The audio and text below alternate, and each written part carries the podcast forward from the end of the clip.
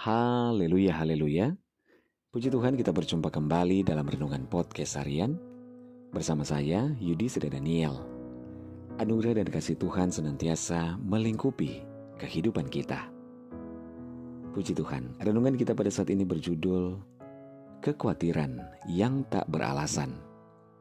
Bacaan firman Tuhan dalam 1 Samuel 27 ayat 1 firman Tuhan berkata, Bagaimanapun juga, pada suatu hari aku akan binasa oleh tangan Saul.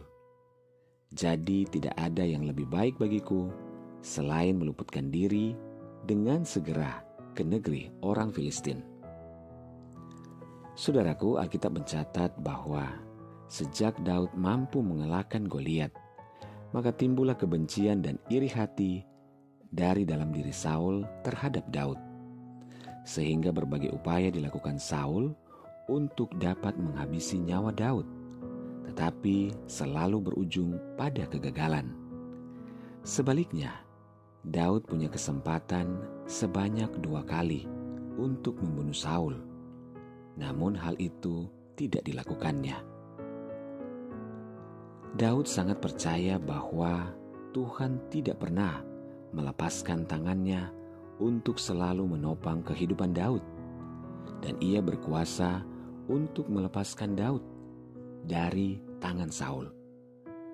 Namun nats di atas yang kita baca mengindikasikan bahwa Daud pada saat itu sedang mengalami keruntuhan iman sehingga kekhawatiran membayangi langkahnya. Ia pun memutuskan untuk lari ke negeri orang Filistin. Mengapa demikian? Jawabannya karena Daud terus membayangkan hal-hal yang buruk terjadi dalam kehidupannya. Daud lupa akan kedahsyatan kuasa Tuhan yang sudah berulang kali sanggup melepaskan Daud dari rancangan-rancangan jahat manusia terhadap dirinya. Dengan demikian, dalam kehidupan Daud selalu dibayangi oleh ketakutan dan kekhawatiran yang berlebihan saudaraku ahli kejiwaan meneliti dan mendeskripsikan tentang kekhawatiran. 40% kekhawatiran manusia adalah mengenai hal-hal yang tidak terjadi. 30%, 30% mengenai hal yang sudah terjadi. 20% mengenai kesehatan dan 10% mengenai keresahan sehari-hari.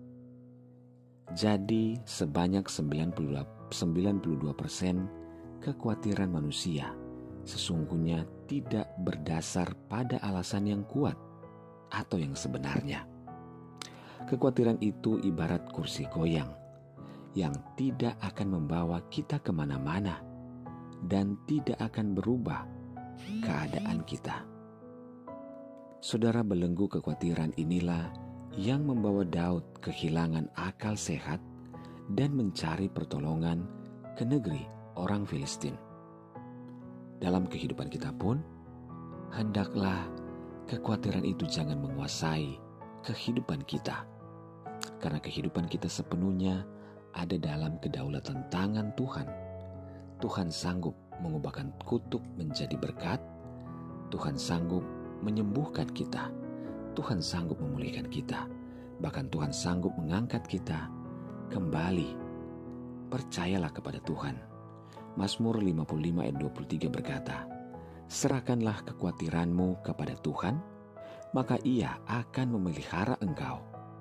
Tidak untuk selama-lamanya, dibiarkannya orang benar itu goyah. Tuhan selalu ada. Tuhan sangat mengasihi kehidupan kita. Marilah bersemangat bangkitlah dan arahkan pandangan kita kepada Tuhan. Haleluya. Mari kita berdoa. Bapa di surga kami bersyukur buat firman-Mu saat ini. Tuhan kami mau mengarahkan hati kami dan pikiran kami kepada Tuhan. Bukan kepada kekhawatiran-kekhawatiran dan masalah kami. Sebab kami tahu kekhawatiran kami sungguhlah tidak beralasan. Karena Tuhan lebih besar dari setiap masalah kami. Inilah hidup kami kami serahkan kepada Tuhan. Hamba berdoa menyerahkan seluruh pendengaran dengan podcast harian ini di mana pun berada, baik yang ada di Indonesia maupun di mancanegara, dengan segala pergumulan yang berbeda-beda. Yang sakit Tuhan jamah sembuh, sembuhkan. Yang lemah Tuhan kuatkan. Yang bimbang Tuhan berikan ketetapan hati. Yang bersedih, berduka, bahkan kecewa Tuhan hiburkan. Bebaskan yang terikat, lepaskan yang terbelenggu. Diberkatilah setiap keluarga, rumah tangga, suami, istri, anak-anak, dan orang tua dalam anugerah dan berkat Tuhan. Dalam nama Tuhan Yesus kami berdoa. Haleluya. Amin. Puji Tuhan saudara tetaplah bersemangat dalam Tuhan. Karena Tuhan ada, dia menyertai, mengasihi, dan memberkati kehidupan kita. Haleluya.